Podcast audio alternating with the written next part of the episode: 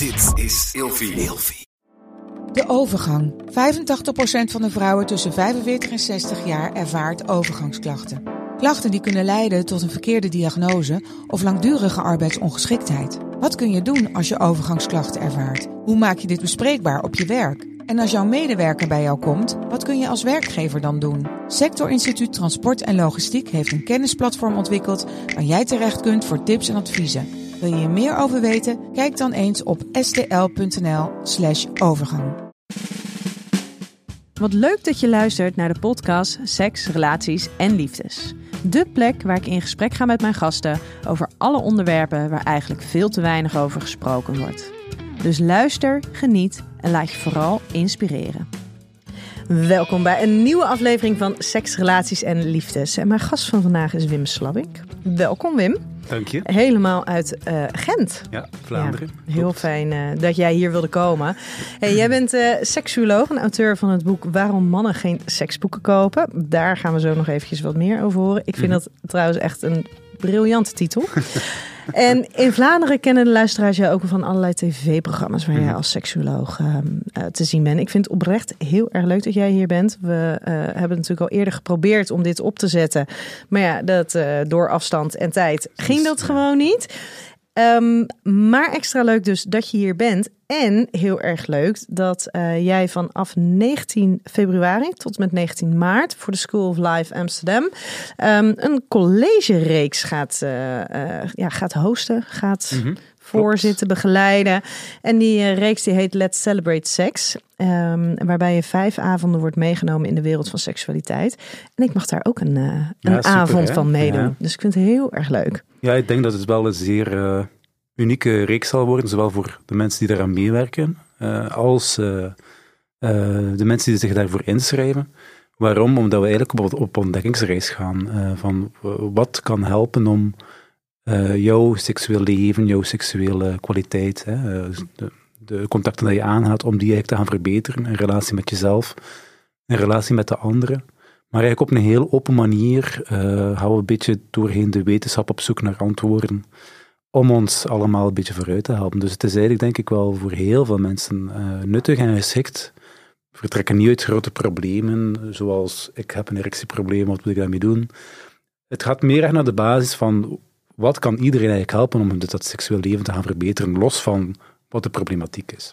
Ja, en dat vind ik sowieso natuurlijk wel bij School of Life mooi. Ze komen helemaal niet, heel vaak niet eens met, met concrete antwoorden mm -hmm. of pretenderen niet de waarheid mm -hmm. te weten, maar meer van hey, juist veel meer vanuit het niet weten en van ja. het mogen onderzoeken. Ja. En hey, dit zijn, dit zijn opties, dit zijn mm -hmm. mogelijkheden en kijk eens in hoeverre je daar wat mee kan. Klopt, ja. ja. Dat is inderdaad de bedoeling. Uh, ja. Dus ja, super excited. Ja, nu al opgewonden. hele, hele, hele goede, heel goed woordgebruik. Ja. Hey, voor de luisteraar die heel graag wil deelnemen aan uh, de collegereeks, en dat, en dat wil jij ongetwijfeld, -hmm. dan kan je nu ook nog eens 40 euro korting krijgen op, uh, op jouw deelname. Um, check even de code in de show notes en dan nou ja, schrijf je snel in. En dan zie jij ons in ieder geval daar terug. En Wim, toen ik jou vroeg over uh, ja, wat voor onderwerp je graag zou willen bespreken, toen gaf jij aan dat direct vanuit jouw buikgevoel um, het, je het wilde hebben over mannelijkheid en mannelijke seksualiteit. Waarom is het nou zo belangrijk voor jou om dit onderwerp te bespreken? Um, Wel, ik denk ten eerste omdat um, daar heel vaak door mensen over gesproken wordt die niet noodzakelijk mannen zijn. Ja. Uh, daar is absoluut geen probleem mee. Uh, ik heb daar absoluut geen probleem mee.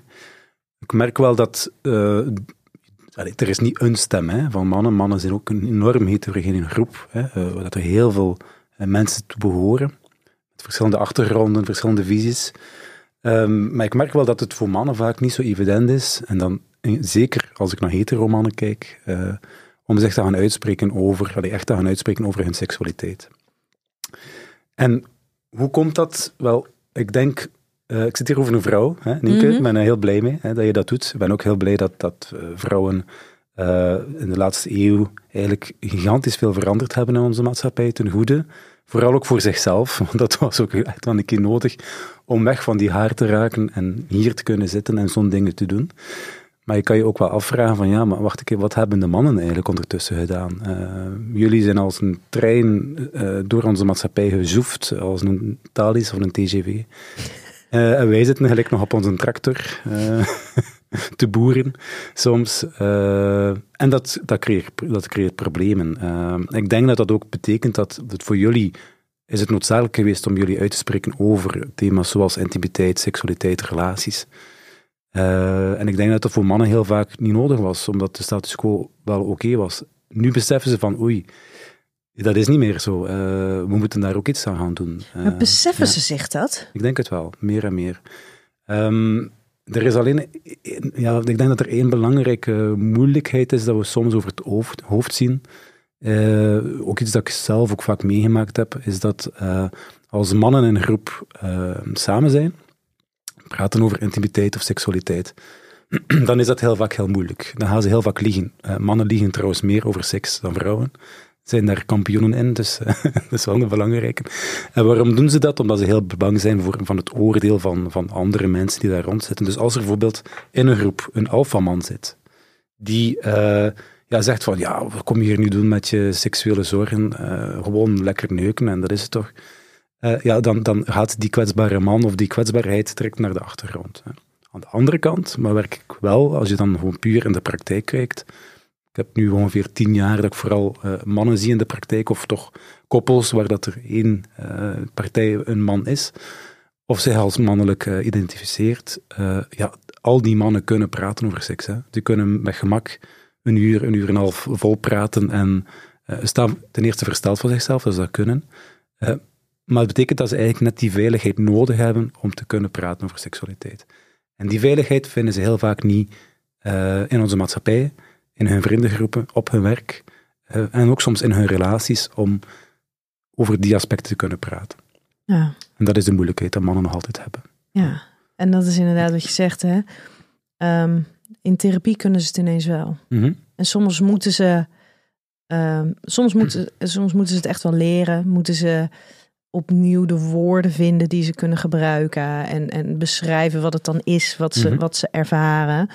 Maar als je inderdaad de voorwaarden creëert ja. waarop ze daar de tijd voor kunnen nemen en zich inderdaad veilig voelen, dan kunnen ze het wel. Zeker, ja. ja. We mogen niet vergeten dat mannen ook mensen zijn. Hè? Absoluut, absoluut. en wat dat betreft beschikken ze natuurlijk gewoon over dezelfde vaardigheden die, nou ja, even heel binair, maar vrouwen dan ook hebben. Klopt, alleen uh, worden ze misschien ook niet altijd zo getraind uh, of ontwikkeld in de jeugd. Uh, we weten bijvoorbeeld dat um, als je bijvoorbeeld bij jongens gaat kijken, dat een vaardigheid zoals empathie of empathisch luisteren niet iets is dat echt getraind wordt. Maar we weten wel van als je dan specifiek daarop gaat gaan toeleggen met jonge jongens, dan gaan ze dat heel snel in ontwikkelen. Dus het betekent dat uh, ja, rolpatronen uh, streng zijn voor vrouwen, voor meisjes, maar ook voor jongens en mannen. Um, en dat die ook jongens gaan beperken in, in hun keuzes. Als je nog altijd gaat kijken in Vlaanderen naar wat zijn de droomjobs van jongens, dan is dat nog altijd piloot, acteur, uh, voetballer. Hè, brandweerman. brandweerman. Hè, in het centrum van de aandacht staan. Hè. I am the hero hè, en de rest zorgt voor mij.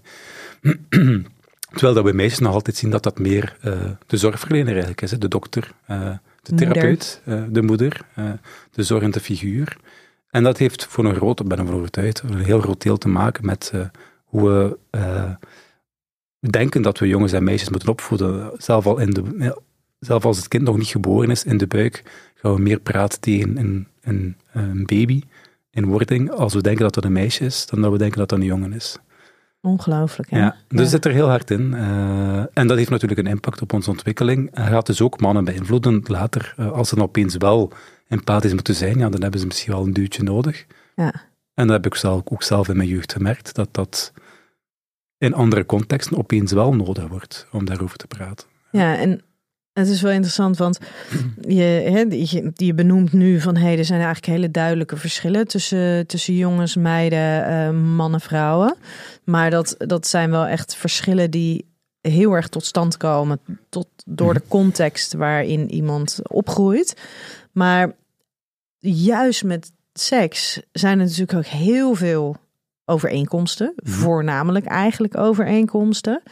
En dan ben ik toch wel benieuwd, want ehm, we gaan het straks ook over die overeenkomsten hebben. Maar toch lijkt het ook zo alsof hè, jouw boek, dat is waarom mannen geen seksboeken kopen. Dat is ook heel duidelijk eigenlijk wel voor een mannenpubliek geschreven.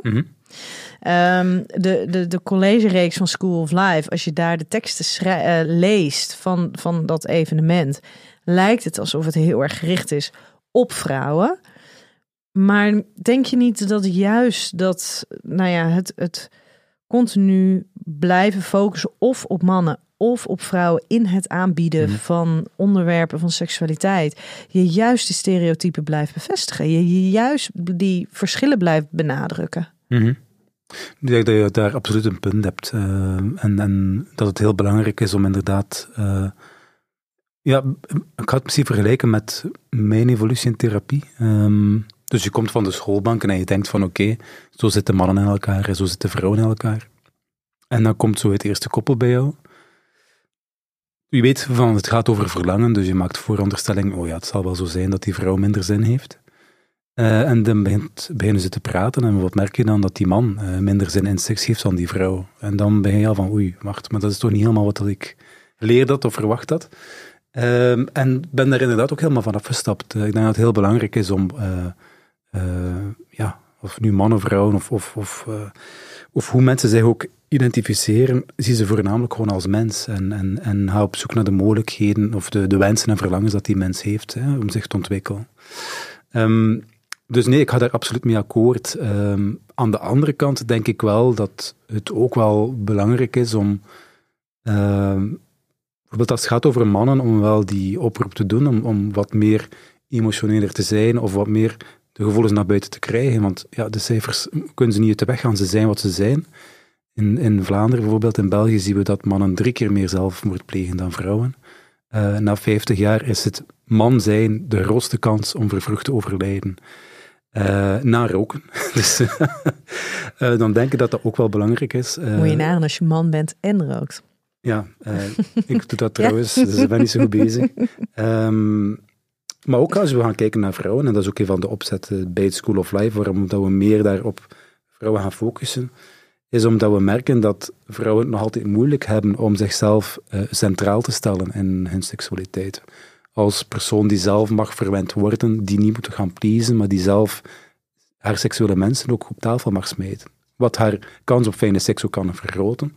En daardoor ook de kans dat mannen dat ook fijn vinden, ook kan vergroten. Hè? Dus, ehm, maar inderdaad, ja, ik denk dat het belangrijk is om inderdaad het hokjesdenken, eh, ja, om dat ook wel een stuk achterwege te laten, zoveel als mogelijk. Ja, maar ik, vind het wel fijn dat je eigenlijk... Ik ben het afgelopen jaar heb ik best wel veel gesprekken gehad ook over mannelijke seksualiteit. En een van de dingen die, eh, als je het hebt over evolutie en, en evalueren en hey, je denkt eerst heb je een bepaald beeld van iets en vervolgens door ervaringen die je, die je hebt, door gesprekken die je voert, ontwikkel je eigenlijk een heel ander beeld van, van hoe seksualiteit eigenlijk werkt. En dat vind ik echt heel erg mooi.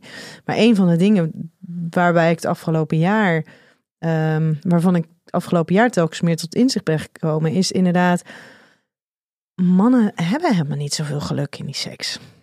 Mannen, seks draait helemaal niet zo om oprechte mannelijke seksualiteit. Mhm. Heel veel mannen die doen gewoon wat ze kennen. Wat ze denken dat moet. Mhm. En die hebben nooit echt geleerd om echt te voelen: hé, hey, wat is het nou waar ik naar verlang? Hoe, hoe, hoe kan ik gehoor ge- Wat zijn mijn behoeftes überhaupt? En hoe kan ik daar eh, gehoor aan geven?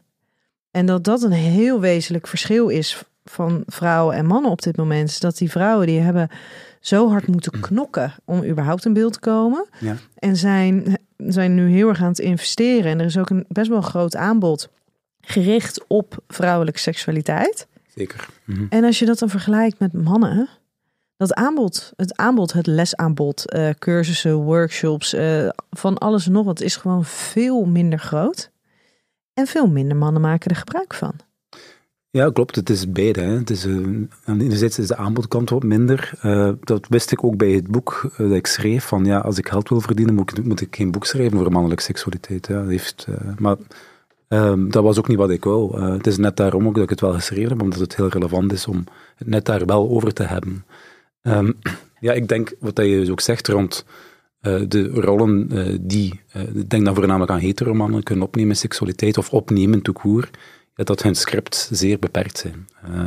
Um, waar dat we tegenwoordig enorm bij vrouwen gaan nadenken over hoe kunnen die seksuele scripts, dus hoe mensen vrijen en wat ze daaruit willen halen, welke dingen dat ze daarin doen, hoe kunnen ze daarin gaan diversifiëren, hoe kunnen ze meer naar hun eigen verlangens toe gaan, is dat eigenlijk nog helemaal niet aan de orde bij de man, eh, dat we het daarover hebben. Hè. Um, en wordt er een soort van, eigenlijk een beetje een porno-scriptje uh, verwacht vaak van mannen, of gaan ze dat zelf ook gaan uitvoeren, omdat ze denken dat dat ook zo moet. Terwijl dat heel veel mannen net in die, uh, net in die seksualiteit zeer veel intieme wensen ook meebrengen. Hè? De wens om, om geliefd te zijn, om geborgen te zijn. Um, en denk tegelijkertijd, terwijl ik ook zeg, ben ik dat enorm meer aan het minimaliseren, want daar rond zit er een enorme diverse groep ook van mannen die, die wel op een zeer brede manier vrijen. Hè? maar waarvan we die stemmen niet horen. En dat doet mij ook een beetje denken aan zo'n uh, MeToo-discussie hebben we bij ons gehad. Was een wereldwijd fenomeen. Um, ik zie de mannen in mijn praktijk nog zitten die ook uh, misbruikt geweest waren. En uh, um, die zichzelf de vraag stelden van ja, al die vrouwen praten daar nu over, zou ik dat nu als man ook niet moeten doen? Maar ze deden het niet. Nee. ze houden het heel eens bij zich. Hè? En, en, dat is heel jammer, omdat ehm, ja, die stap moet nog gezet worden, denk ik, hè? bij mannen, om daar meer open uit te komen voor wat fijn is. Ik had gisteren een man die het fijn vond om uh, ja, stofjes te dragen bij de seks. Wel, de week ervoor had ik een man die graag een tang had terug bij het vrijen. Een hetere man, voor alle duidelijkheid. Dat een vrouw een keer vertellen. En, en, of dat dat wat uh, makkelijker toegankelijk wordt om zo, zo'n dingen te, te, kunnen benoemen. Um, dus, die, die mannen komen dan bij mij om dat te kunnen vertellen, maar dan denk ik van ja. En omdat ze denken dat ze een probleem hebben, dat ze afwijkend zijn vaak? Ja, uh, maar soms ook gewoon om het een keer te kunnen vertellen, omdat ze zoveel angst hebben van ja, ik kan dat niet vertellen aan mijn vrienden. Uh, ja, die gaan er toch mee lachen of die kunnen dat niet plaatsen. Dus ze komen naar mij om dat dan even te troppen. Fijn, daar ben je therapeut voor geworden. uh, dan denk je van ja, daar is toch wel nog wat werk naar het benoemen van verlangens. Ook bij vrouwen natuurlijk. Hè, maar, um, om, eigenlijk de emancipatie van de man heeft nog een stukje weg af te leggen. Denk ja. ik. ja. Hey, daar gaan wij uh, zo nog even wat verder, uh, verder op in. Mm-hmm. Ik heb gevraagd aan jou om vijf woorden te bedenken die gaan voor jou over seks, relaties en liefdes. Welke woorden zijn dat? Oh, oh. je neemt me even op snelheid. ik ga erover gezien, maar ik ga samen met jou erover mee ja? nadenken. Okay. Vijf um, woorden over ja, seks, vijf woorden relaties. die gaan over seks, relaties en liefdes voor jou. Um, erkenning denk ik dat heel belangrijk is. Ik denk dat uh, liefde, uh, relaties, uh, seksualiteit, dat dat heel vaak een zoektocht is naar erkenning. Zie mij en wat ik doe, en wat ik voel, en wat ik wil doen voor jou, voor ons. Um, ik denk dat dat heel belangrijk is. Ik denk dat speelsheid, dat dat ook een heel belangrijk is, in dat we vaak ook een beetje verliezen. En ik denk dat dat voor veel koppels ook die langer samen zijn, heel belangrijk is om te koesteren. Niet voor zozeer, van, allez, wat ik soms vraag aan koppels is van, wanneer is de laatste keer dat jullie echt nog een keer plezier gemaakt hebben? Gespeeld hebben zoals dat je misschien deed toen je nog verliefd was je fantasie gebruikt zoals dat je kind was. Mm -hmm. Want daar... Als je het hebt over speelsheid, dan moet ik even denken aan de foto's die jij en je vriendin af en toe delen op uh, ja. Instagram. Klopt, ja, dat is uh, een jaarlijkse ja. traditie dat wij doen. Maar ik denk dat er in onze relatie heel veel speelsheid nog zit.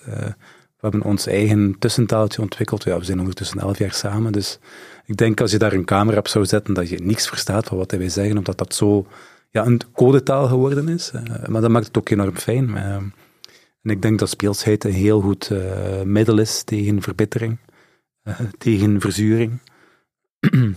dus absoluut belangrijk om naar te kijken de relatie van hoe zit het met de speelsheid. Ik denk betekenis dat ook wel een heel belangrijk is.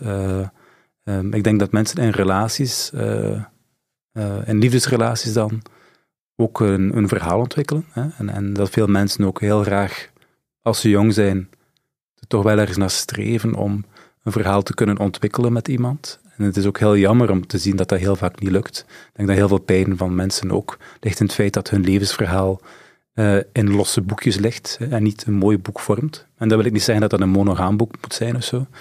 Uh, maar heel veel mensen merken dat de belangrijke mensen in hun leven vaak verdwijnen. Hè. Uh, en dat dat enorme pijn is. dus, dus ik denk dat dat een heel belangrijke is ook om, om, om mee te nemen wat dat mensen zoeken in relaties. Um, ja, en ik denk dat die drie eigenlijk voor mij wel de essentie vormen van, ja. van wat relaties of, of liefde of seksualiteit betekenen. En zit daar een verschil voor jou in hoe jij er als professional over denkt en jij als privépersoon? Um, zit daar een verschil in? Um, ik denk voor mij persoonlijk dat het feit dat je werkt als uh, therapeut of uh, seks, sekstherapeut misschien iets makkelijker is om uh, te relativeren misschien. maar ik denk sowieso dat ik sowieso een persoon ben die heel makkelijk relativeert of dingen in perspectief kan plaatsen. Dus ik denk dat het niet zoveel verschil maakt. ik denk wel dat het zo is dat wat privé gebeurt enorme impact kan hebben op de therapie dat je doet. Maar omgekeerd ook wat in therapie gebeurt, ook een enorme impact kan hebben op hoe je kijkt naar je eigen relatie. Uh, dus dat dat ook uh, twee communicerende vaten mogen zijn. niet de bedoeling dat ik mijn privéleven in de praktijk breng natuurlijk. Uh, maar wat je meemaakt thuis heeft natuurlijk een impact op hoe je therapie voert. En je moet daar ook heel bewust van zijn. dat je mensen niet stuurt in richtingen mm. die misschien eerder jouw verlangens zijn dan hun verlangens. Ja, en ik merk bijvoorbeeld voor mezelf is er in ieder geval jarenlang echt een enorm groot verschil geweest tussen hoe ik professioneel gezien over seks kan praten en over de seksualiteit van een ander en, en mijn eigen privé Mhm. persoon seksualiteit. Um, hoe, hoe is dat voor jou? Um, het is voor mij, in, in, ik probeer daar wel een onderscheid in te leggen, als, alleen in, in professionele contexten, om daar wel een grens te, te bewaken. Ook een beetje om onze privacy ook een stukje uh, uh, te kunnen behouden. Um, maar als het dan gaat over hoe ik met mijn vrienden daarover communiceer, dan is dat niet zo. Dan, dan is dat wel in alle openheid. Um, maar daar maak ik wel een onderscheid in. Um, omdat ik ook vind van als we dat verhaal willen vertellen, dan moeten we dat ook samen vertellen. Mm. Uh, dat klinkt een beetje, uh, dat voelt van mij vreemd en voor haar ook. Hè, om, uh, dat ik zo alles zou vertellen over, terwijl zij daar eigenlijk geen weerwoord in heeft. Hè. Dat is ook een machtsvorm die eigenlijk niet helemaal oké okay is, vind ik. Maar als er interviews zijn waar dat we samen aan bod komen, dan hebben we het daar wel over. Ja. Omdat we het dan ook alle twee kunnen delen ja. en uh, benoemen. Hey, ik heb uh, vijf kutkeuzes van jou, voor jou. Dus je moet kiezen. Kutkeuzes, maar ja, dat is ja. wel een beetje jammer woord, vind ik. Wat? Ja, dat, dat gaat over de vulva, uh, mm -hmm. het prettig gaan van de vrouw. Kunnen we niet dikke keuzes voor vandaag dikke, maken? Voor vandaag vind ik dat helemaal ja, goed. Ja. Dikke keuze. Dikke keuzes. Helemaal goed. Doen we dat voor vandaag. Seksualiteit of intimiteit? Intimiteit. Strikte monogamie of een relatie met meer vrijheden? Een relatie met meer vrijheden. Schaamte verbergen of kwetsbaarheid tonen? Kwetsbaarheid tonen onder voorbehoud. Waar zit de voorbehoud in? Um, ja, dat niet alles altijd hoeft benoemd te worden. Um, je mag ook je eigen privétuintje hebben met uh, bepaalde verlangens, die misschien niet noodzakelijk altijd hoeven gedeeld te worden. En toen mij een beetje denken aan een man dat ik ooit een begeleiding had, die de gewoonte had. Ik lag erom, want het is eigenlijk, eigenlijk niet zo grappig, en zeker niet in zijn situatie, maar elk verlangen dat hij had, die niet met zijn partner te maken had, moest hij vertellen aan zijn partner. Oeh. dus die kwam elke dag naar huis. Ja, sorry schat, maar ik heb nu, ik heb nu toch weer gedroomd over die kassierster. Uh, en dan de volgende dag was het over dit en dat. En ja, die vrouw werd gewoon zot van. Uh, uh, ja, dat is ook allemaal niet hoeft te weten, maar die had er zo een enorm schuldgevoel bij. hij kon niet anders, hij moest het vertellen. Ja. ja. Ah, ja. Dus onder voorbehoud kwetsbaarheden delen. Ja, duidelijk. weten dat er nog veel meer is om te ontdekken, maar niet weten wat.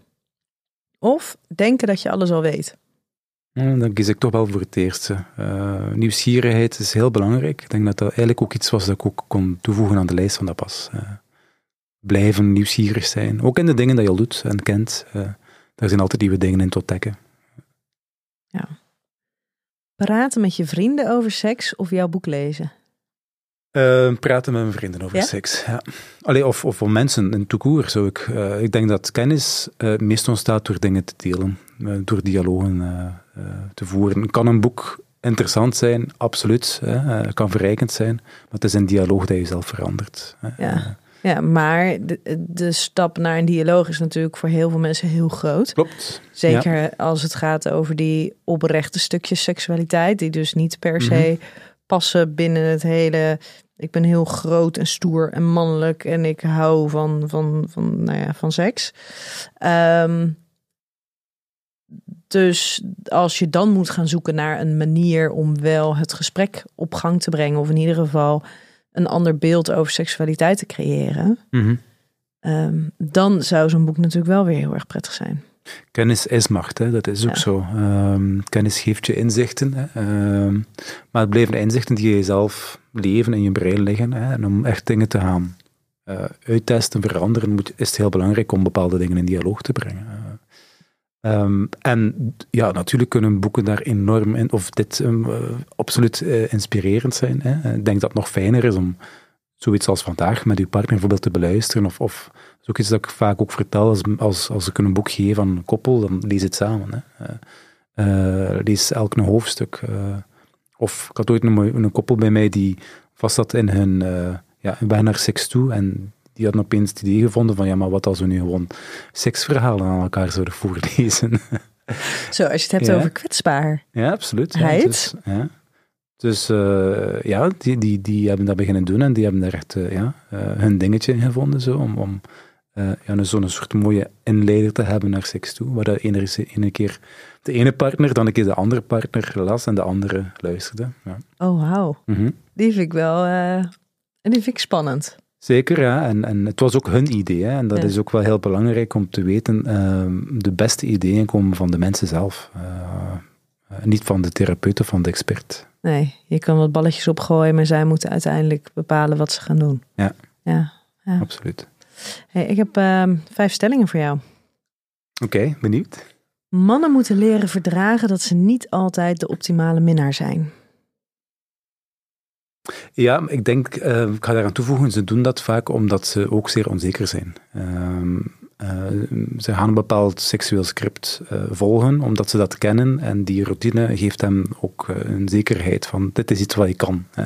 dit is iets wat ik ken.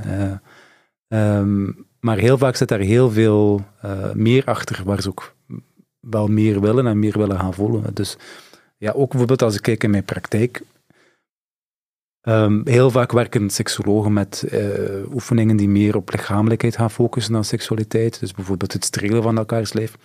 Ik zie heel weinig mannen die daar eigenlijk weerstand tegen hebben. Die zijn daar heel vaak zeer geïnteresseerd en gebiologeerd in. Uh, um, alleen is het een taal, de lichamelijke taal, is een taal die zij in hun jeugd minder aanleren. Um, dus ze zijn er ook minder mee vertrouwd. Het is voor vrouwen onderling veel uh, zeker hetero vrouwen, veel eenvoudiger om intiem met elkaar te zijn, om een keer elkaar een knuffel te geven. Ik weet niet hoe dat in Nederland helemaal is, maar in Vlaanderen is dat niet zo een Nee. dingetje altijd tussen mannen om elkaar te knuffelen of uh, hand in hand een keer te lopen of uh, wat dan ook. Zeker niet hand in hand lopen, nee. Nee. nee. Um, en ik denk, oh, ik ben ervan overtuigd dat daar ook een van die problemen liggen. Hè. Een van de manieren voor mannen om intimiteit te bereiken is seksualiteit. Hè. Omdat dat een script is dat ze goed kennen, Ja, of dus denken dat- te kennen. Dus dat ook intimiteit en seksualiteit te veel ehm, aan elkaar gelinkt worden. Dus te veel overlap hebben. Dat ze intimiteit zien als seksualiteit. Ja. Ook heel vaak als ik dan inderdaad vraag naar een stukje intimiteit, dan beginnen ze over de seks. In Mhm. plaats van in wat in mijn beleving dus intimiteit is. Dus dat je heel duidelijk ja. dan onderscheid moet maken. En dat ze Mhm. dan, zelfs als je dus onderscheid maakt van wat intimiteit allemaal kan zijn, dat ze dan toch heel snel komen bij nee, voor mij is het echt wel seks. Het andere is ook fijn, maar de, de intimiteit is seks. Mhm. Seks is vaak een manier voor hen om intiem te kunnen zijn. Hè. Uh, Ja. is een poort naar intimiteit toe. Uh, en dat is vaak ook wat het er een beetje lastig loopt in de man-vrouw relatie. uh, dat vrouwen het vaak wat omgekeerd gaan bekijken. Uh, eerst intimiteit, een goede relatie. Wat is er nog een vrouw die zelf zei van dacht van, maar heb jij die quote niet bedacht? Voorspel begint 24 uur voor de daad. dat is zo'n typische quote die al lang rond had natuurlijk. Maar dat is ook zo voor haar. Hè. Het moet een fijne dag zijn die ze samen doen. Geldt niet voor alle vrouwen, geldt ook niet voor alle mannen. Nee, maar wel ze- eh, en, en het hoeft niet eens dan heel de dag samen te zijn, maar in ieder geval, ook al ben je niet samen, dat er wel Mhm. een vorm van verbinding Ja. is. Dat er een connectie is, Ja. ja. Eh, en waar dat eh, een deel van de mannen, maar zeker niet allemaal, een deeltje van de mannen eh, dat niet noodzakelijk nodig hebben. En seksualiteit ook eh, wat meer puur ontspanningsgericht kunnen zien van, oh, ik heb een lastige dag gehad, zo ben ik hier goed willen vrijen. Hè. Ja. Een van de kiemen ligt daar ook gewoon, denk ik, in de, in de seksuele relatie met zichzelf, waar dat mannen wel nog wat meer geëmancipeerd zijn, in hun jeugd veel meer gaan praten over bevrediging, masturbatie. Hè. eh, en ook veel sneller leren dat eigenlijk seks een heel goede manier kan zijn om jezelf te ontspannen. Ja, dat inderdaad voor heel veel vrouwen als die eh, als ze problemen hebben, als ze een drukke dag hebben gehad, dan is seks het laatste. Ja, en is seks echt wel een van de laatste dingen waar ze dan nog energie voor hebben. Mhm. Terwijl mannen dus inderdaad dan seks makkelijker kunnen inzetten Ja. als manier om te ontspannen. Gewoon simpelweg omdat ze veel meer geconditioneerd zijn Om om, dat zo te doen. dat zo Ja. op die manier te doen. Omdat ze in de jeugd ook leren eh, dat ze jagers moeten worden. Hè. Eh, alleen moet daar niet moeilijk over doen. Eh, het feit dat mannen meer eh, seksueel grensoverschrijdend gedrag plegen, is gewoon omdat we hen ook gewoon puur instrueren van jullie moeten jagen op vrouwen. Eh, het is compleet fout dat we dat doen. En dat dat nog altijd in onze maatschappij zit, maar dat is wel de oorzaak van seksueel geweld. Ja, en wat ik ook wel bijzonder vind, bedenk me net, als je het hebt over ehm, eh, nou ja, verslavingsgedrag met betrekking tot ehm, seks, met, met, met seksueel gedrag, dan wel bijvoorbeeld met porno Mhm. kijken, zie je natuurlijk heel vaak dat ehm, het gedrag komt voort uit, ehm, uit stress, uit onrust, uit frustratie, irritatie. Dus seks, het hebben van seks, dan wel het kijken van porno, wordt een manier om zich beter te voelen, om zich te gaan ontspannen. Te verdoven. Ja. Precies, om te verdoven, om in ieder geval niet de onrust te voelen en de onprettige gevoelens te voelen, waarvan ze vaak ook niet zo goed weten hoe ze daar op een andere manier uiting aan moeten Mhm. geven. En dat is vaak, is dat dus de, de, de oorzaak ook van nou ja, verslavingsgedrag daarin. Maar wat ik dan bijzonder vind, is als we het hebben over jongens zijn eigenlijk al veel beter geconditioneerd in, in ehm, eh, masturbatie in te zetten om eventjes te ontspannen. Mhm. Dat is eigenlijk een soort van voorstadium van het latere verslavingsgedrag. Waarbij mannen dus inderdaad porno kijken of seks hebben inzetten om, ehm, om zich beter te voelen. Alleen als het in, in, in gewoon een soort van milde mate gebeurt, Mhm. dan zien we het helemaal niet als een probleem. Hè? Van je hebt een druk dag gehad, ik heb, ik, eh, ik heb even ontspanning nodig, ik ga seks hebben met mijn partner. Maar daar de overtreffende trap van, daar, dat, daar vinden we ineens wel wat van met z'n allen. Wacht, en je bedoelt dan concreet dat, dat als het gaat over seksverslaving bijvoorbeeld, dat... Nou, dat is heel vaak zit daar in de kern van waarom gaat iemand masturberen? Waarom gaat iemand contact opnemen om met iemand seks te hebben? Dat zit heel vaak in. ehm, ik voel me shit. Ik Mhm. heb stress. Mhm. eh, ik Ja. weet even niet wat ik Ja. met mezelf aandoe, Ja. eh, aan moet. Dus gaan ze vervolgens gaan ze dus seks hebben Mhm. om zichzelf beter te voelen. Om even te kunnen ontsnappen aan wat ze voelen en ervaren op dat moment. Maar dat is dus eigenlijk wat waarvan we net zeggen dat jongens ook al doen op veel jongere leeftijd. En daarin is de gradatie ook natuurlijk van belang. Hè? En, en de intentie daarin. ehm, allee, als je gaat kijken naar eh, seksverslaving, dan... Allee, Hertjan van Zessen omschrijft dat heel Mhm. mooi. Dus een expert eh, in dat vak. Heel interessante boeken over geschreven. Hij, hij omschrijft het ook als een ongelukkige vormgeving aan verdriet. Hè? Ja. Dus eigenlijk, ehm, de manier waarop dat je met seks omgaat, gaat je probleem niet oplossen. Hè? Het verdooft je het wel, hè? eh, maar het, het, gaat die problemen ook niet verwijderen. Hè? En ook in een relatie is het natuurlijk net hetzelfde. Eh, ehm, seks inzetten als een tool om jezelf beter te voelen in jouw relatie door seks te hebben met jouw partner is geen goede manier eh, om aan seks te doen. Hè? Nee, en ik denk dus toch wel, zonder dat het ehm, direct duidelijk is dat het problematisch gedrag is, of een problematische manier om seks in te zetten en te gebruiken, dat er dus heel veel mannen zijn die niet voldoen aan die definitie van het is problematisch gedrag, mhm. maar die dus inderdaad wel die behoefte hebben. hey, ik heb dus een drukke dag gehad, Mhm. ik ben onrustig, ik heb zin om in, in, in een vrijpartij. Mhm. Ik heb zin om Ja. even klaar te komen, Ja, om te ontspannen. Ja. om te ontspannen. Mhm. En dat het dus eigenlijk dat er waarschijnlijk dus heel veel meer mannen zijn die dat doen, dan dat we ons eigenlijk bewustzijn. Zeker, en, en waar dat er ook dus, ja, een soort van uh, moeilijkheid toch vaak ook ligt van ja, in een relatie. Om, als je dat dan verlangen hebt en je partner heeft dat niet, of je wil je partner dan niet mee belasten, ja, los het dan gewoon zelf op. Hè. En, en dat zou ook geen probleem mogen zijn. Uh, om dan even gewoon te, met jezelf te vrijen en dat plezier te hebben, dat is ook een heel belangrijke manier. Zeker in een monogame relatie, om, om met verlangensdruk om te gaan. Hè. Uh, je kan niet altijd dat samen gaan beleven. Nee. Maar dan zie je dan dat dat vaak heel moeilijk is van ja, oké, okay, masturbatie kan wel, maar ik mag niet thuis zijn. Ja, oké, maar bon, uh, zo werkt het niet. Hè. Uh, Ik denk dat het heel goed is dat, uh, dat er een vrijheid zou kunnen ontstaan, dat we ook, als, als onze partner zelf thuis is, hè, om dat ook te kunnen doen.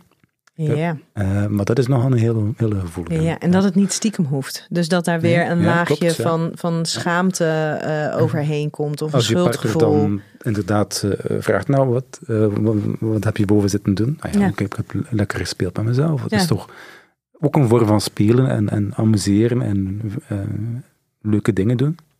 Met de opmerking daar wel van, ja, oké, okay, het hoeft natuurlijk niet uren aan een stuk te zijn. Hè, als je gaat gaan gamen, is het ook misschien ook leuk om, om een kwartiertje te gamen of een uur. Hè? Maar doe dat misschien niet zes uur aan een stuk. Ja. Maar zou het daar dan schelen als je, als je een, een, een um, heteroseksuele relatie neemt? Zou het daarin schelen voor mannen en hun, uh, hun behoefte aan seksualiteit? Uh, of het nou komt vanuit opwinding of het komt vanuit... Um, ik ben onrustig. Ik wil gewoon even lekker klaarkomen en ontspannen. Zou het daarin schelen voor mannen als vrouwen dan dus zeggen: lieve schat, veel plezier? Want er zijn natuurlijk heel veel vrouwen het die wel, het ja. lastig vinden Dat dat dan gebeurt. dat dat dan dus gebeurt. Omdat dat, dat ze dat gaan relateren met hun eigen zelfbeeld van uh, ja, ik ben niet goed genoeg voor mijn partner of hij masturbeert op uh, ja, met of er andere komt iets vrouwen. tekort Ja. of wat Dus dan ik ben ook. niet knap genoeg. Ja. Uh, uh, nee, het is heel belangrijk om dat net los te laten, denk ik. Um, nu, dat is veel makkelijker gezegd dan gedaan. Voor sommige mensen, bijvoorbeeld mensen met meer angstige hechting, is dat echt uh, ja, uh, heel moeilijk om dat te bereiken. Om, om, maar ik denk dat het geven van zeker ademruimte of vrijheid in een monogame relatie enorm belangrijk is. Omdat we niet geconditioneerd zijn om monogaam samen te zijn. Dat wil niet zeggen dat het geen nobel doel is en dat het heel fijn kan zijn. En dat je daar bewust keuzes voor kan maken. Zeker, ja, doe ik zelf ook. Uh, maar het betekent wel dat je wel een beetje nadenken van oké, okay, hoe gaan we dat hierin slagen om elkaar een beetje ademruimte te geven als we dat hier zo lang samen willen uitzingen. Uh, want het is gewoon niet evident. Als je het heel strak allemaal um, gaat regisseren, dan ga je denk ik ook gewoon de kans op overspel bijvoorbeeld gaan vergroten. Ja. Als alles zo strak zit en als alle verlangens in de relatie moeten beleefd worden. Ja, dat is eigenlijk... Ja, en tegelijkertijd dat alle seksuele verlangens binnen de relatie, dat daar er dus ook heel veel van niet mogen zijn. Mm -hmm, klopt, en verstopt moeten worden. Ja. En dan zoeken, ja, um, um, als je um, verlangens wegstopt, dan komen ze altijd wel een dik terug. Uh, dat is eenmaal zo. Uh, ja, want op het moment dat je dus dan als man zijn dus wel het verlangen hebt om eventjes te masturberen, ja. even porno te kijken, even te fantaseren. Mm. Um, en je voelt de vrijheid om daar uiting aan te geven, mm. dan zal je waarschijnlijk ook op andere gebieden in het uiten van je seksualiteit veel meer vrijheid voelen. En ook, denk ik, in je relatie, hoe fijn. Allee, ik denk dat mensen het heel fijn vinden als hun partner hen wat bewegingsvrijheid heeft. Van, ja, ik zorg wel vanavond voor de kinderen, je mag vanavond wel met je vrienden uit, bijvoorbeeld. Hè. Uh, maar dat is ook een vorm van bewegingsvrijheid geven. Hè. En, en er is een heel mooie quote uh, van een uh, Franse auteur, auteur uit de 20e eeuw. Die zei, chasser le naturel, il revient au galop. Dus dat betekent je bent in Nederland, hè? Ik spreek geen uh, Ja, wij hebben ook nog wel onze ja, ja, laatste vriendjes. Hè. Betekent dat, kijk, als je het natuurlijke opjaagt, hè, dus natuurlijke verlangens die er niet mogen zijn verbergt, dan komen die in galop terug. Die halen je terug in. Hè. Dus verlangens verbergen, dat is als een boemerang, dat komt ja. terug. Dat zie ik heel vaak ook bij mensen of mannen die bijvoorbeeld een fetish hebben, die naar mij komen van, please, kom, hoe raak ik hier vanaf? En dan zeg ik, heel vriendelijk, daar raak ik niet vanaf. Nee. Het is heel belangrijk om te omarmen hè, en een veilige manier te zoeken als dat er niet is, hè, om daarmee om te gaan. En ik vind het dan ook heel bijzonder vaak dat als een um, dat als we dan wel duidelijk zijn dat er bepaalde verlangens zijn, dat heel veel vrouwen dan ook dus bang zijn om daar de, eh, om de partner daar gehoor aan te laten geven. Omdat ze dan zoiets hebben van ja, maar dan is het hek van de dam. Dat als, als, Mhm. als die daar gehoor aan mag geven, ja, wat is dan het volgende Mhm. wat komt? Mhm. Maar zo is het natuurlijk niet per se met. Per se, Verlangens. nee, het is inderdaad niet per se zo. Nee. Het Eh, is niet zo alsof het dan ineens van oh ja, maar ik heb nu van dit geproefd, dus, Dus- nu wil ik ook van Mhm. dat en dat en dat en dat proeven. mhm. Nee, weet je, zeker op het gebied van seksualiteit. Ehm, ja, er zijn mensen die hebben die, die hun eigen seksualiteit kleurt echt ontzettend divers. En die kunnen van allerlei kleuren kunnen, kunnen ze genieten. En van allerlei verschillende vormen van seks. Maar over het algemeen zie je natuurlijk gewoon wel dat mensen een bepaald kleurenpalet hebben waar ze Mhm. van kunnen kiezen. En dat het niet als vanzelfsprekend is dat als ze dat palet helemaal hebben uitgespeeld, dat er dan een hele andere wereld is waar ze ook alles van willen Mhm. proeven.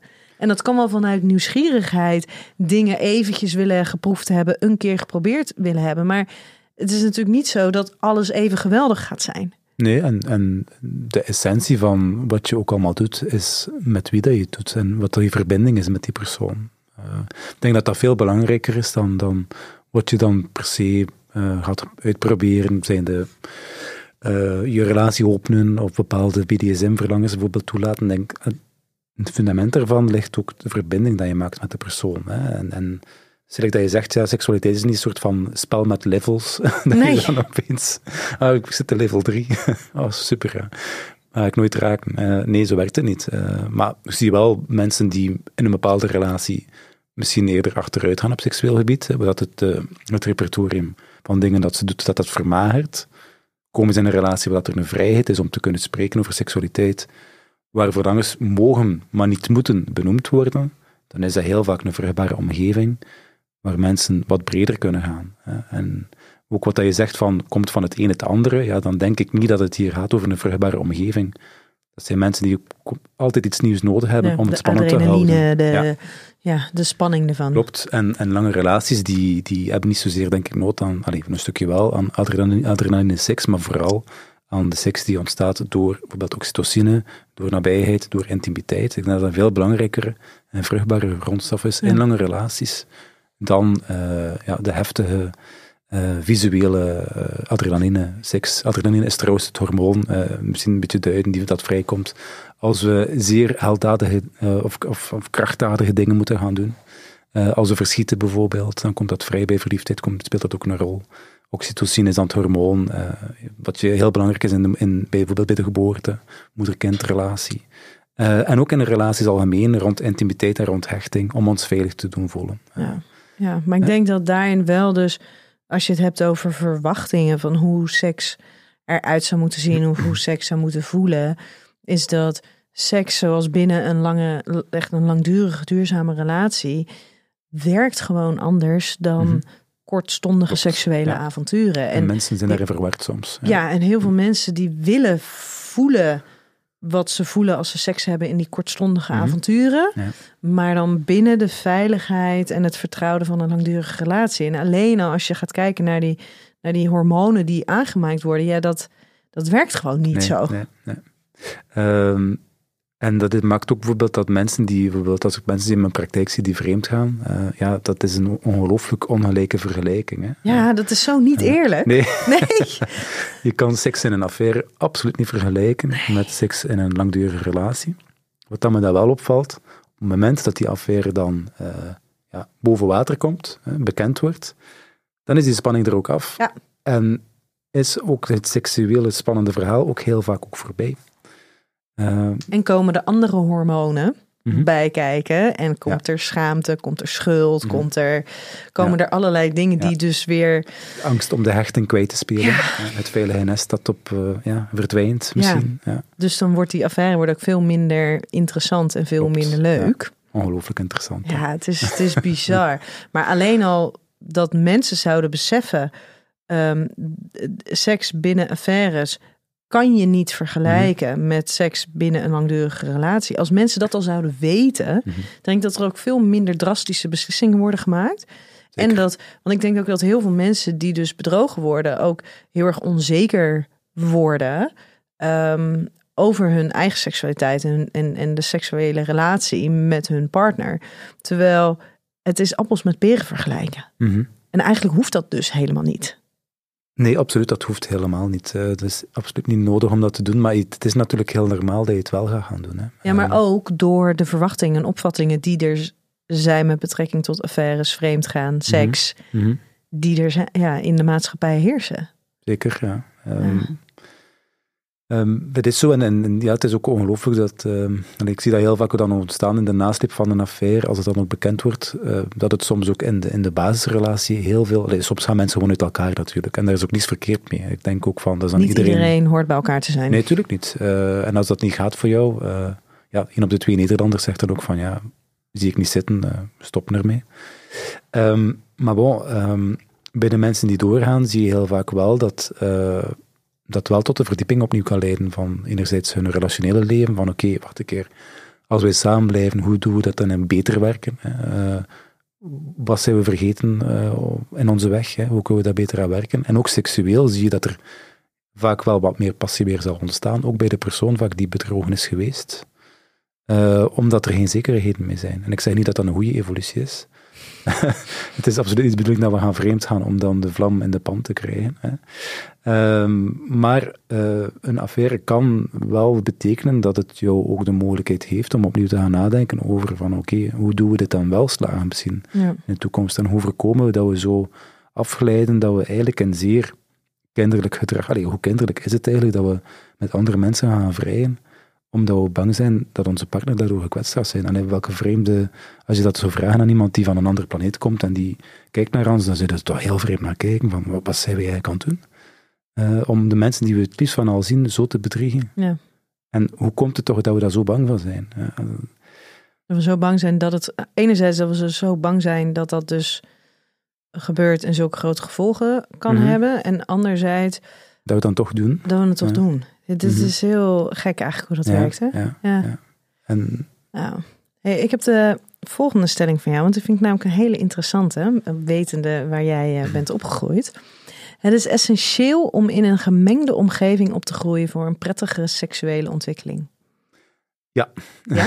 Nou, vertel, want... Voorstander van. Ja. Um, wel, um, Vlaanderen is soms wat quirky of raar of vreemd misschien. uh, we doen dingen soms anders. En er is een tijd geweest waar men in, bij ons, of in België algemeen, een goed idee vond om in het middelbaar uh, jongens en meisjes uh, op te splitsen.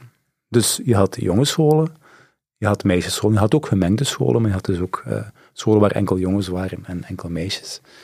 nu, in tot mijn twaalf zat ik ook al in een jongensschool. Uh, ja, de peuterschool buiten beschouwing gelaten, dat was wel gemengd, maar bon, dat is te lang geleden. Daar weet ik niet meer zoveel van.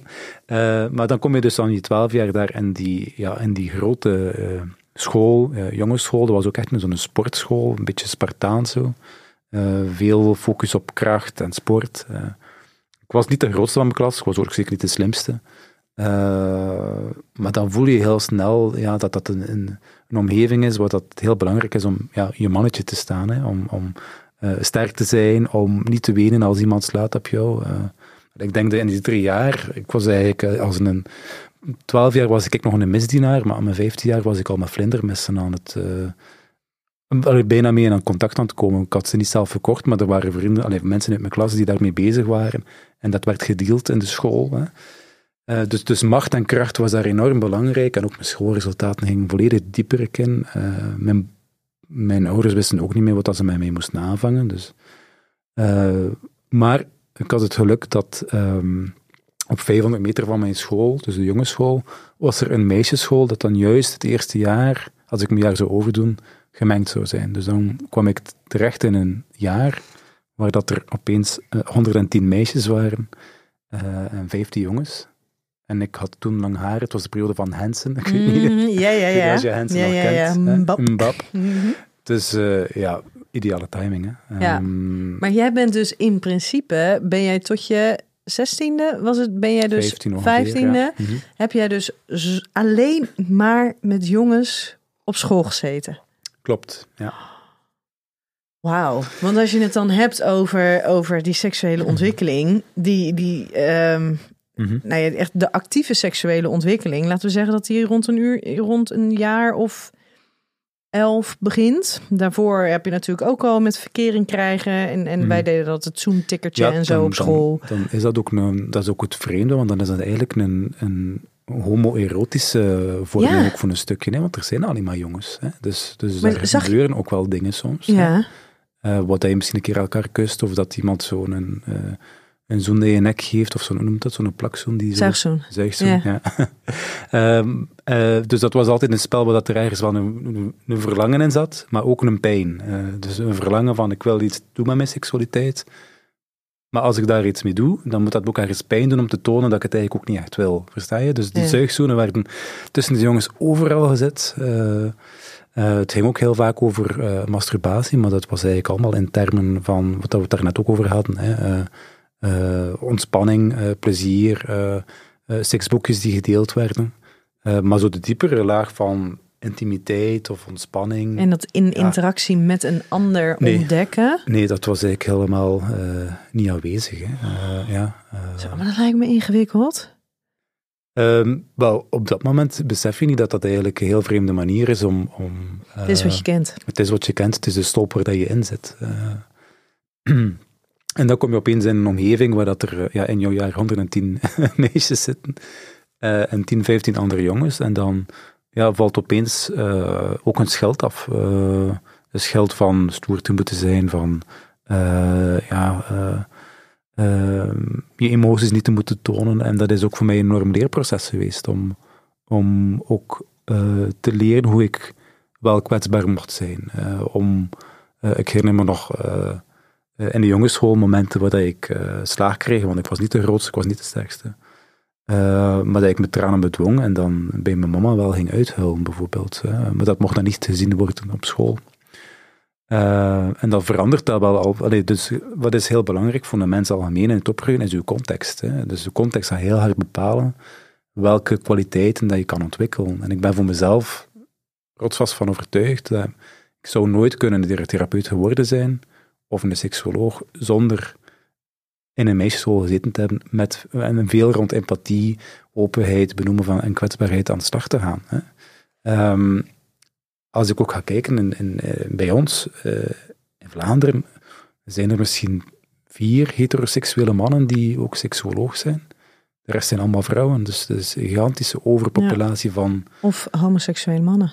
of homoseksuele mannen inderdaad die het doen. Ehm, ja, en dat heeft gewoon rechtstreeks te maken met het feit dat we mannen minder mogelijkheden, of jongens, eh, om zich kwetsbaar op te stellen. Eh, en dat is heel jammer, want eh, eh, ehm, heel veel problemen waar mannen tegenaan lopen, liggen net in het feit dat die kwetsbaarheid niet toegankelijk is. Ja. Maar ik kan me dus ook wel heel goed voorstellen dat ehm doordat jij dus zo bent, bent opgegroeid ehm, en je dus heel duidelijk ook verschil hebt gemerkt met dat ene jaar dat je dus wel heel veel in contact kwam met meiden, ehm, dat dat ook maakt dat jij donders goed begrijpt dat mannen bepaalde vaardigheden gewoon niet hebben kunnen ontwikkelen. Mhm. Omdat ze daar gewoon niet, nou ja, niet de mogelijkheid voor hebben gekregen. Zeker, ja, absoluut. Ja. En aan de andere kant heeft het ook als jongen hè, ook een, een mooi inzicht op eh, de dingen waar meisjes tegenaan lopen. Ja, maar heb je dat ook al op 15, 16-jarige Ja, toch wel. leeftijd? Of ja?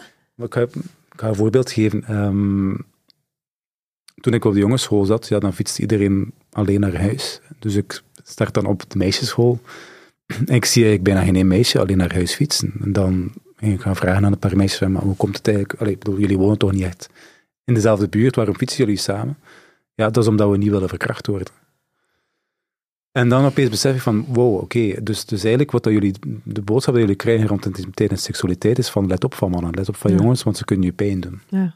Dus hoe kan je dan eigenlijk ooit... Allee, ik vind het al een hele prestatie dat vrouwen dan eh, wel kunnen genieten van seks. Hè. Eh, als dat eigenlijk de, de basisidee is, dat ze ook een stuk eh, moeten rekening mee houden. Dat het gevaarlijk is om s'nachts door een park te lopen, dat het gevaarlijk is om eh, alleen te gaan fietsen. Eh, dat je daar toch misschien risico's mee neemt. Hè. En dat aan het hebben van seks ook nog eens risico's zal zitten met, met Was, SOA's en, absoluut, en, ja. en En- zwanger worden. Ja.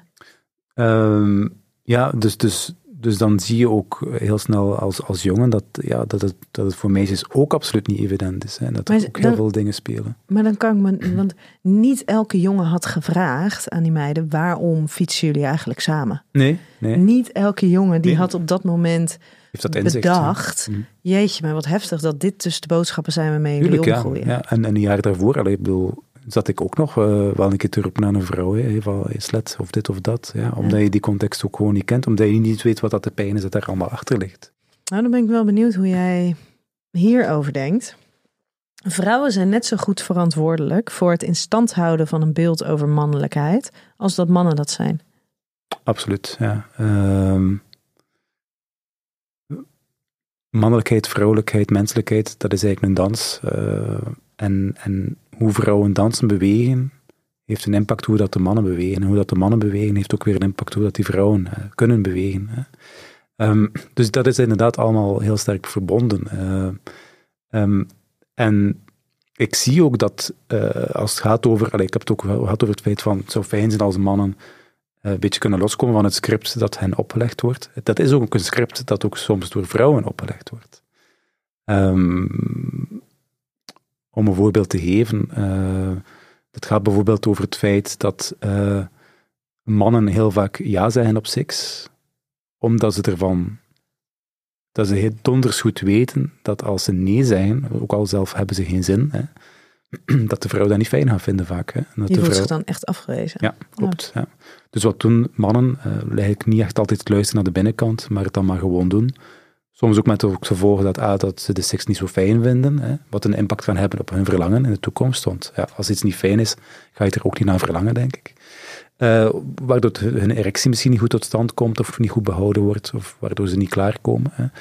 Eh, ehm, dus daar is het wel heel belangrijk, denk ik, voor mannen om wel te durven gewoon vanuit zichzelf meer te gaan nadenken van oké, ja, er is niks verkeerd van, ook al heb je geen zin om je open te stellen en te gaan vrijen, doe ik ook soms, doe, doe, doe heel veel mensen soms, maar maak daar ook geen, geen ding van dat heel vaak terugkeert. Hè. Ja. Denk vanuit je eigen verlangens.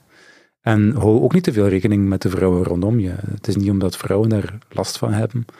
Het is dan net daarin het lastig zijn en het voelen dat dat lastig is, dat misschien ook dingen kunnen uitgesproken worden, benoemd worden. En dat de vrouw ook te weten komt dat ze daar eigenlijk niet zoveel zorgen moet rond maken als haar partner een keer geen zin heeft. Hè. Nee, want zij heeft ook wel eens geen zin, Zeker, zonder dat ja. dat een persoonlijke afwijzing naar de partner is. Zonder en dat dat daarin, een ding moet zijn. Hè. ja, en daarin is sowieso in het, het behoefte hebben aan seks, ruimte hebben voor seks, is zoiets individueels. Mhm, En dat zegt 9 van de 10 keer veel meer over je eigen behoefte op dat moment mhm.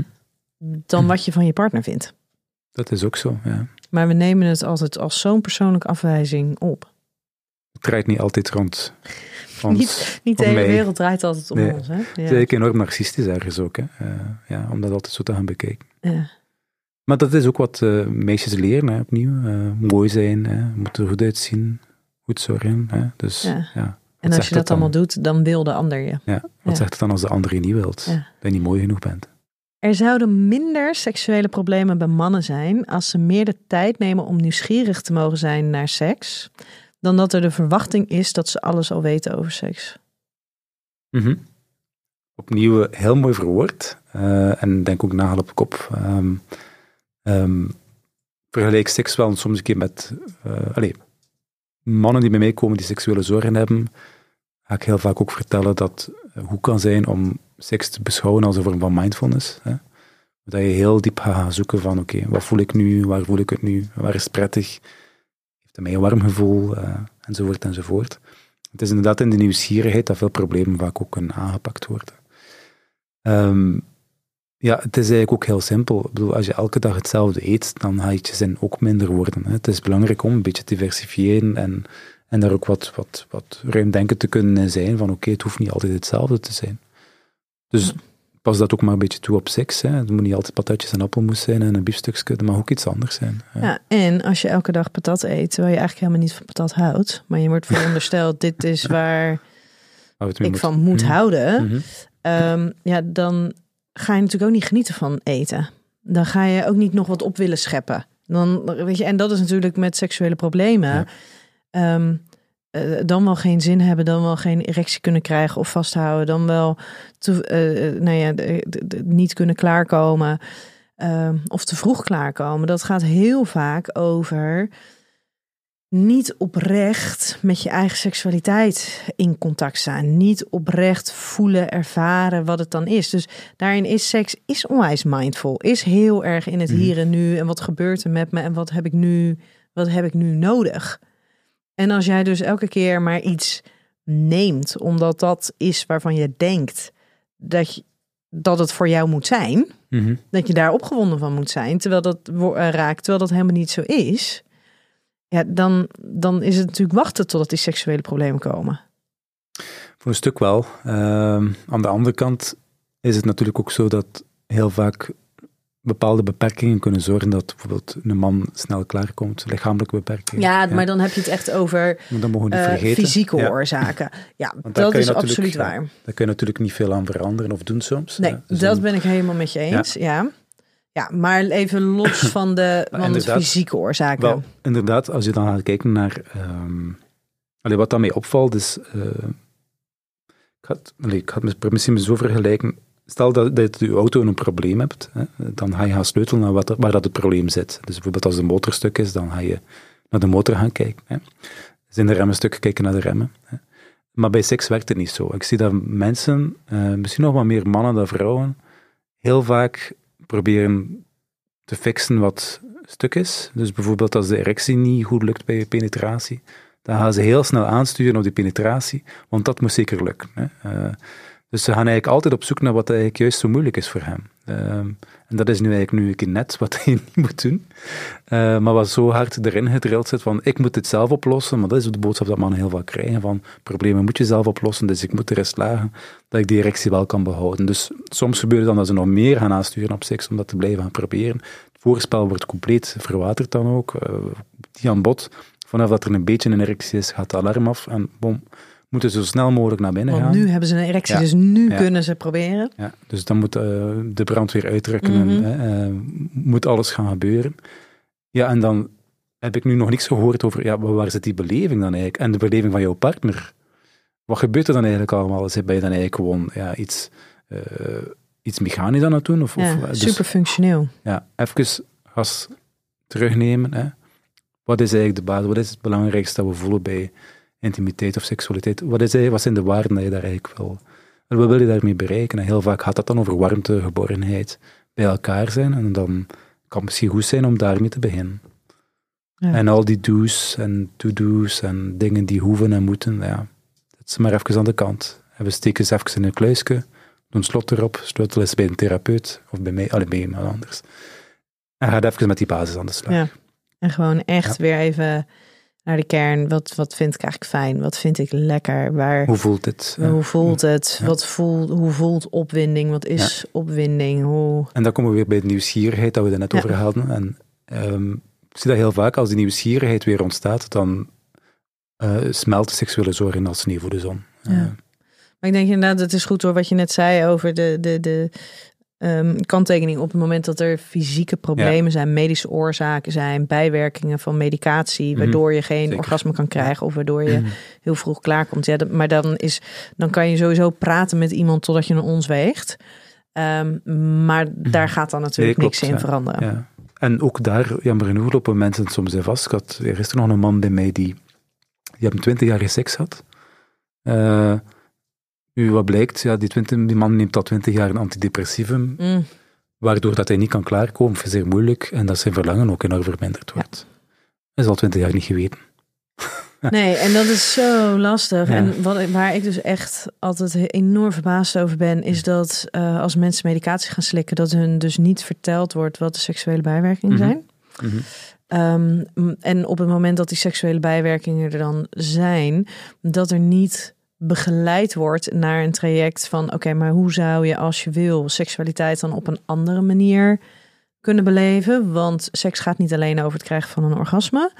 En hoe kan je in dat hele stukje acceptatie en wat betekent dit dan? En ook in ieder geval niet terechtkomen in gevoelens van falen, Mhm. schaamte, dat soort onprettige gevoelens. Zeker. ja. Eh, en, en ook daar ook heel belangrijk om de partner eh, ook erbij te betrekken. Want heel vaak, als het dan om een vrouw gaat, eh, vinden ze dat opnieuw dan eh, ja, heel belangrijk dat hun partner klaarkomt. Want wat wil dat dan zeggen als uw partner niet klaarkomt? hè? Ja. Dan komen we weer bij het verhaal rond bevestiging en eh, Ja. zelfbeeld. En, En dan ben je niet Ja. genoeg, goed genoeg als minnares. ja.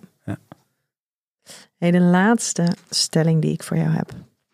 Als mannelijke seksuoloog is het extra belangrijk om je eigen kwetsbaarheid rondom je eigen seksualiteit in te zetten bij mannelijke cliënten.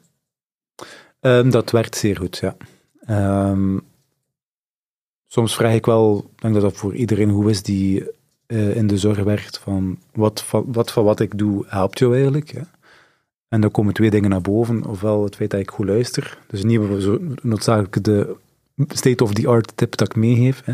dat ik goed kan luisteren. En twee, eh, dat ik mezelf kwetsbaar kan opstellen. Eh wordt enorm geapprecieerd, en zeker bij mannen, omdat ze heel weinig toegang hebben tot mannelijke verhalen over seksualiteit en mannelijke kwetsbare verhalen over seksualiteit.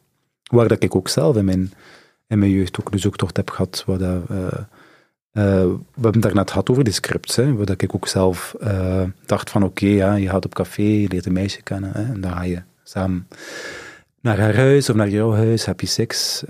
Al die stapjes lukten tot aan de seks, dan lukte dat niet voor mij. Ehm, en het heeft voor mij ook een aantal jaar geduurd voordat ik besefte van ja, het idee om iemand te leren kennen en dezelfde dag daar seks mee te hebben, dat is iets dat voor mij gewoon niet werkt. Alleen had ik nog nooit een voorbeeld gezien van iemand die dat ook vertelt. Eh, Ja.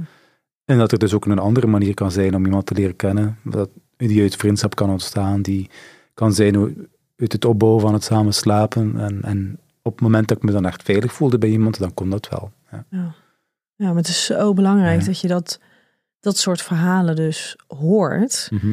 Alleen dan moeten in dit geval dus mannen gaan leren om dat soort gesprekken te voeren.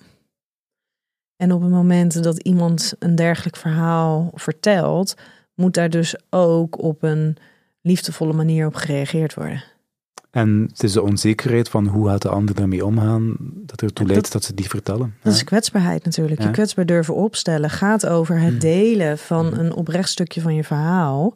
Jezelf durven zijn. Hè? Ja, en daarin kunnen verdragen dat je niet weet hoe de ander gaat reageren. Mhm. Ja, dat is de onzekerheid dat we Ja. eh, soms moeten leren mee omgaan. Hè? Eh, nu, wat, wat ik ook wel merk, is dat eh, als mannen bij mij in de praktijk iets ervaren, dan geef ik soms wel het advies van, oké, heb je een heel goede vriend? Hè? Gaat een keer mee gaan wandelen of uh, spreekt een keer alleen mee af? En dan heel vaak horen ze ook een verhaal terugkomen van die andere man, eh, dat het toch ook niet zo evident altijd is. Ja. Hè? Dat het soms ook moeilijk is, of dat ze ook wel op dat vlak bepaalde zorgen hebben. Dat is zo eh, ja, normaliserend, Ja. veel meer dan een therapeut die zegt van ja, oké, mannen kunnen wel een keer een erectieprobleem hebben. Hè. Eh, eh, je bent zeker niet de enige. Ja, als je dat kan horen van je beste vriend, dat je niet de enige bent, dus, Ja. is ja, zo therapeutisch. Ja. En dat is, kan soms als therapeut kan het heel frustrerend zijn. Mhm. Dat jij al een boodschap al op vijf verschillende maniren probeert over te Mhm. brengen. En dan komen ze terug. En dan komt het elke keer niet aan. Dan komen ze terug en dan hebben ze één keer met een vriend gesproken. Eén keer heeft hun Mhm. partner net even diezelfde woorden aangereikt. En dan horen ze hem. Mhm. En enerzijds is het natuurlijk super mooi dat dat dus zo werkt. En het laat ook Mhm. maar zien hoe belangrijk dat dus is dat dat soort verbindingen en gesprekken eh, worden aangegaan. Ehm, maar het is ook wel heel bijzonder dat je dus als therapeut zo'n dergelijke boodschap ook kan overbrengen, maar dat die dus niet aankomt. Ja, dus ehm,